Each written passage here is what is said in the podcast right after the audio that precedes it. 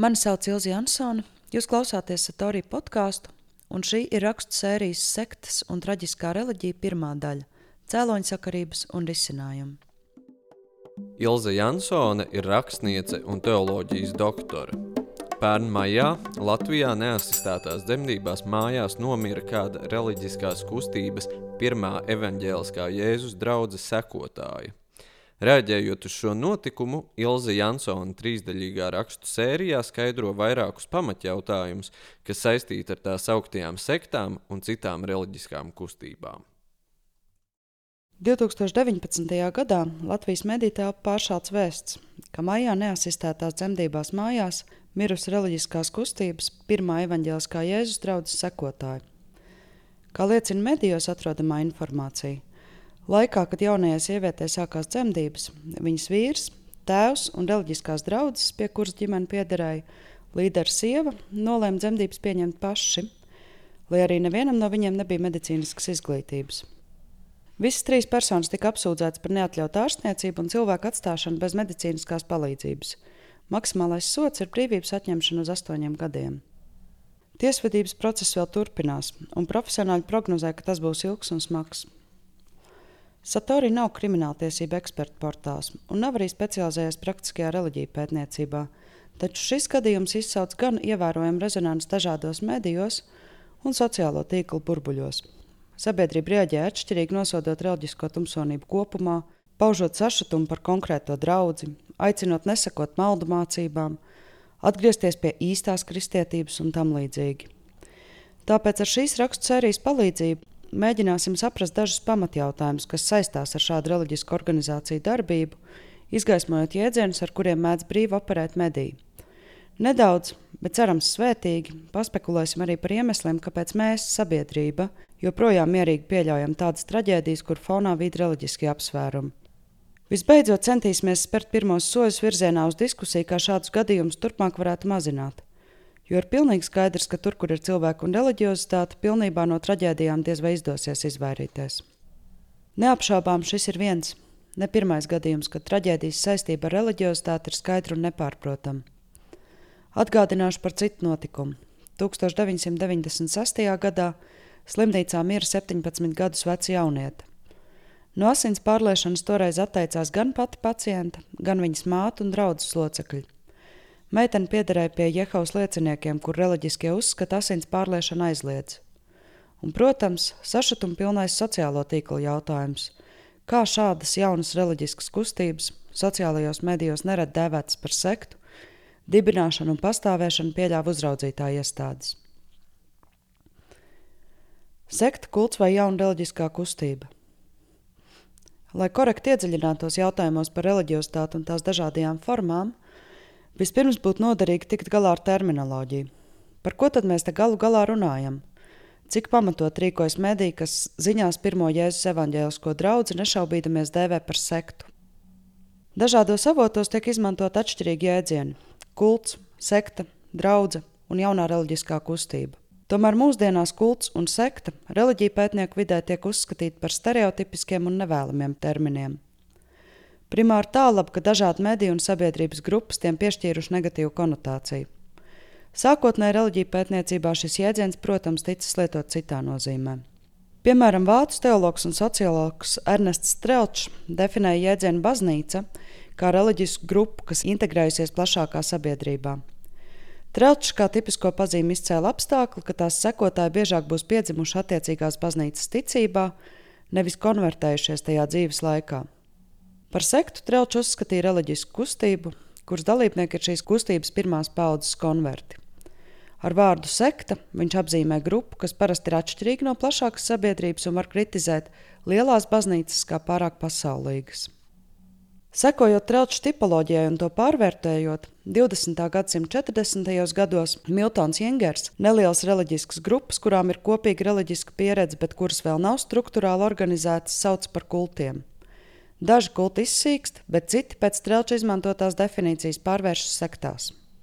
Gan Trelča, gan Ingūra definīcijas aizvien turējās kristīgo reliģisko kustību ietveros, bet vārdu sekta kā neobligāti saistītu ar kristietību pārdefinēja Brians Vilsons. Viņa prāt, sektu ir iespējams definēt pēc tās mērķa, kas ir vienlaikus gan mazāk, gan vairāk ambiciozs salīdzinot ar valdošās baznīcas mērķiem. Tā necenšas iekļauties sabiedrībā, taču visbiežāk dziļi maina tai piederīgo dzīvi un sludina, ka šīs izmaiņas atstās nozīmīgu iespaidu uz sabiedrību kopumā. Vēlākajos gados amerikāņu sociologi Rodnijs Starks un Viljams Benbridžs, sekojot Trelča definīcijai, par baznīcu dēvē reliģisku grupu, kas pieņem sociālo vairākumu un sadarbojas ar to, bet par sektu reliģisku grupu, kas ir naidīga vairumam vai veido ar to spriedzes pilnas attiecības. Tomēr vienā valstī un vienā laikā kāda grupa var tikt uzskatīta vienlaikus par sektu, bet citā par baznīcu. Piemēram, Krišņas apziņas biedrība hinduismā visdrīzāk atbildīs baznīcas definīcijai.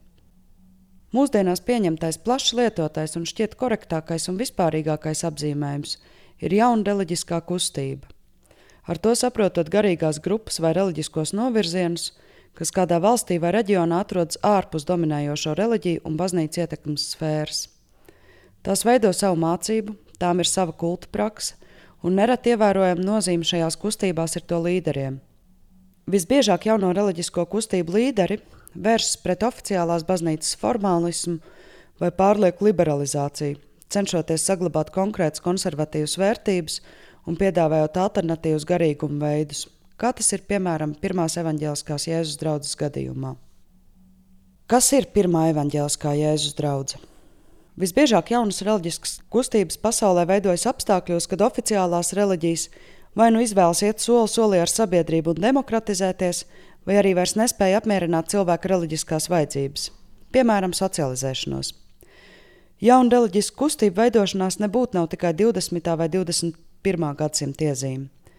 Tādas bijušas jau 19. gadsimtā, un atsevišķas iezīmes varam saskatīt arī senāk, piemēram, reformācijas vēsturē Lai arī reformācijas mērķi nebija dibināt jaunas protestantiskas grupas, bet gan reformēt Romas katoļu baznīcā pastāvošos noteikumus, tā tomēr vērsās pret valdošās baznīcas formālismu un degradāciju.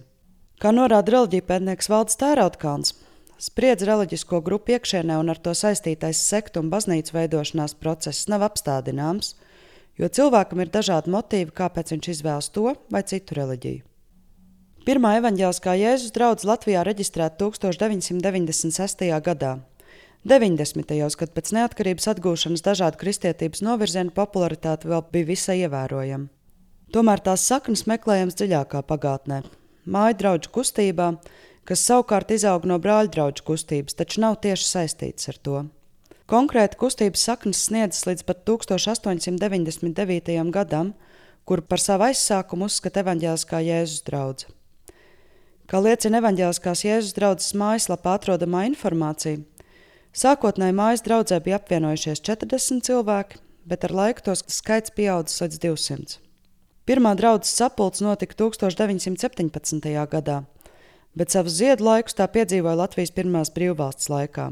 Tomēr jau 30. gados draudzē sākās iekšējas domstarpības, piemēram, par mākslas, izglītības, sporta un tam līdzīgu lietu nozīmi tai piederīgo dzīvēm. Uz savstarpējo nesaprašanos pamata tika iesniegtas sūdzības, un 1936. gadā draudzes slēdza. Pēc Latvijas atjaunošanas viena draudzes daļa 1991. gadā reģistrējās, lai legalizētu savu darbību, bet otra draudzes daļa reģistrējās 1996. gadā ar nosaukumu Pirmā evaņģēliskā Jēzus draudzene. Kā norādīts evaņģēliskās Jēzus draudzes mājaslapā, abu draugu daļām nav izdevies atjaunot kontaktu. Te atļaušos uzsvērt trīs iemeslus, kāpēc, manuprāt, ir būtiski atcerēties, ka evaņģēliskā Jēzus draudzene un pirmā evaņģēliskā Jēzus draudzene nav viens un tas pats.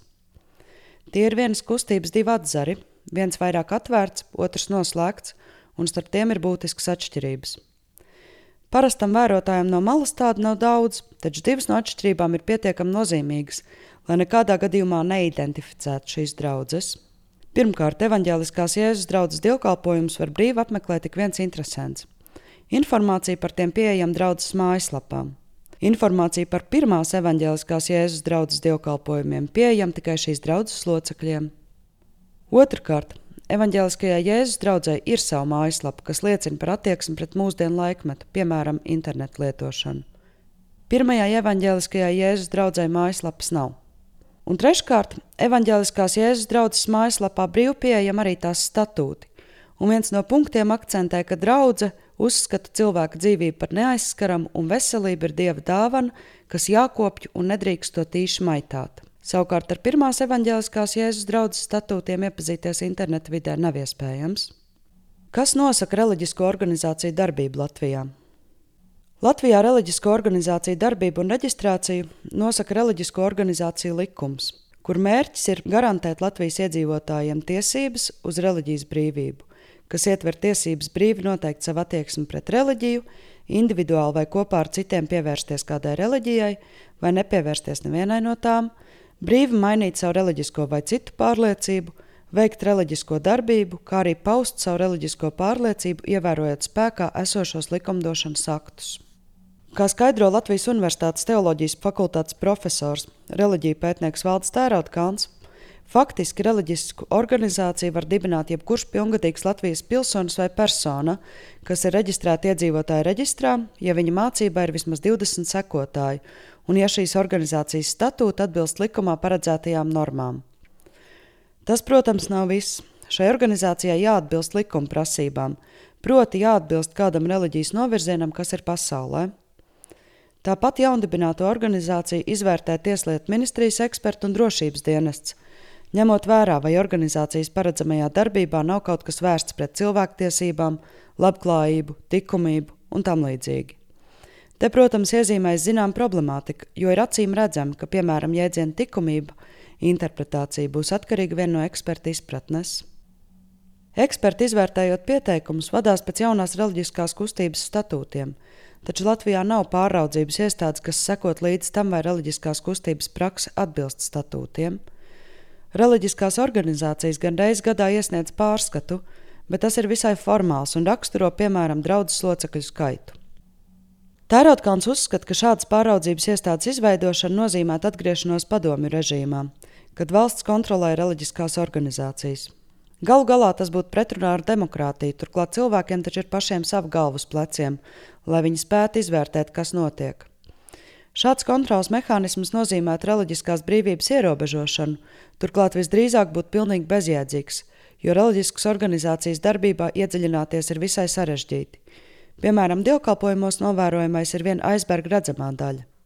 Cits jautājums, kāda informācija, piemēram, par jaunajām reliģiskajām kustībām, ir pieejama sabiedrībai kopumā un kāds ir mūsu zināšanu līmenis par tām. Tērautkāns uzskata, ka pirmā evaņģēliskā Jēzus draudzene visdrīzāk ir konservatīva evaņģelikāņu draudzene, pret kuras statūtiem uz papīra droši vien nekāda iebilduma nevarētu būt. Turklāt tā ir senas saknes māju draugu kustībā, kas sākusies 19. gadsimtā. Māju draudzes tolaik iestājās pret to, ko uzskatīja par valdošās Lutāņu baznīcas formālismu un stagnāciju.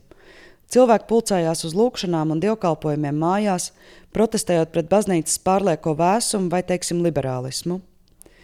Vakarēdiena arī bieži vien izdalīta ģimenēs, un tajā nav nekā radikāla. Jā, tas ir konservatīvi, pārstāv konservatīvismu vērtības, taču nekā nelikumīga no paša sākuma tajā nav, uzsver Tērauda Kalns. Viņš uzskata, ka problēma ir ar reliģisko kustību radikalizāciju, un te starp citu nav runa tikai par mazajām draudzēm, bet arī par tā saucamajām lielajām konfesijām. Kā arī ar to, ka cilvēki bieži vien burtiski uztver reliģijas atziņas, vai izjūt milzīgu nekritisku pietātu pret garīgajiem līderiem, un tas bieži vien noved pie ļoti traģiskām sekām. Liela problēma ir arī noslēgtības un slepenības plīvurs, kas nereti aizēno reliģiskas organizācijas iekšēnē notiekošo. Tā piemēram, ja organizācijā ir kādas problēmas, par tām plašākai sabiedrībai tiek stāstīts nelabprāt, vai netiek stāstīts vispār, vai, teiksim, stāstīt aizliedz organizācijas līderis. Tādējādi kaitējot arī pašām organizācijām, Atgriežoties pie definīcijas.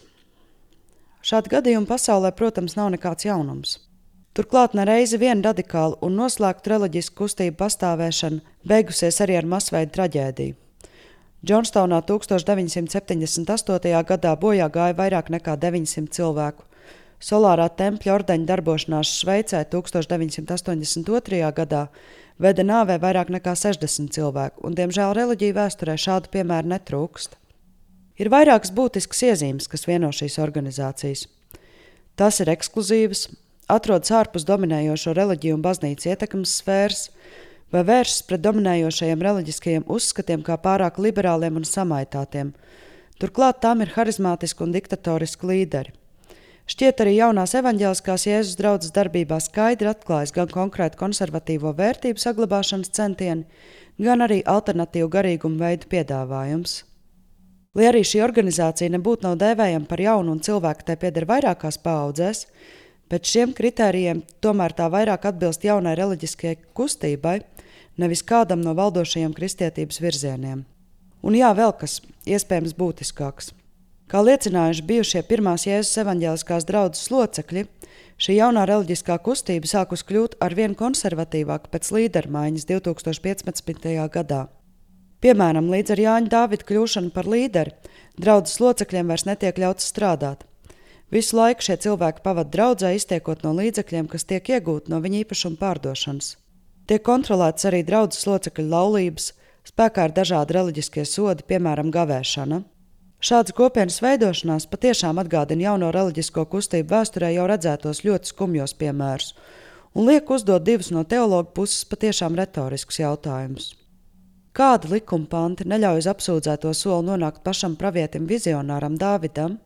Un vēl, kur interesanti, mūsu valstī var vērsties cilvēki, kur vēlas šādu organizāciju pamest, bet tās darbības dēļ palikuši bez naudas, bez mantas un bieži vien arī bez dzīvesvietas.